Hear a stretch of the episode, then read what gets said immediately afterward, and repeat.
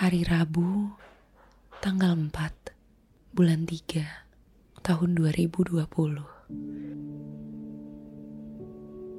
Enak ya hidupnya, jalan-jalan terus kerjaannya. Kemarin di sana, hari ini di sini. Banyak uang, banyak waktu luang. Nyaman ya hidupnya. Rumah, mobil, investasi, asuransi semua sudah punya. Apalagi sih yang dicari? Bagaimana mau bahagia kalau kehidupan saya tak pernah lebih baik dari itu? Kalau hidup kita dihabiskan untuk membandingkan, sampai mati juga tak ada ujungnya, tak ada habisnya. Yang itu punya lima, yang ini punya tiga.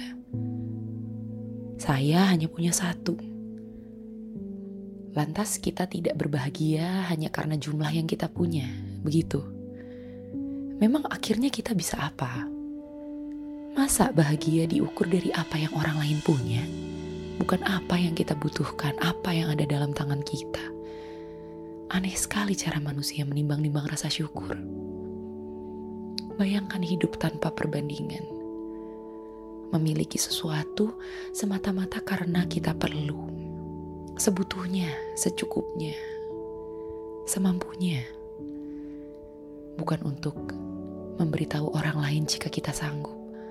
Bukan untuk mempertontonkan sesuatu atau untuk menerima sambutan tertentu. Kita punya karena kita butuh. Kurasa kalau sudah begitu, alangkah mudahnya bahagia. Tapi manusia tak pernah sederhana dan kita selalu takut kalah.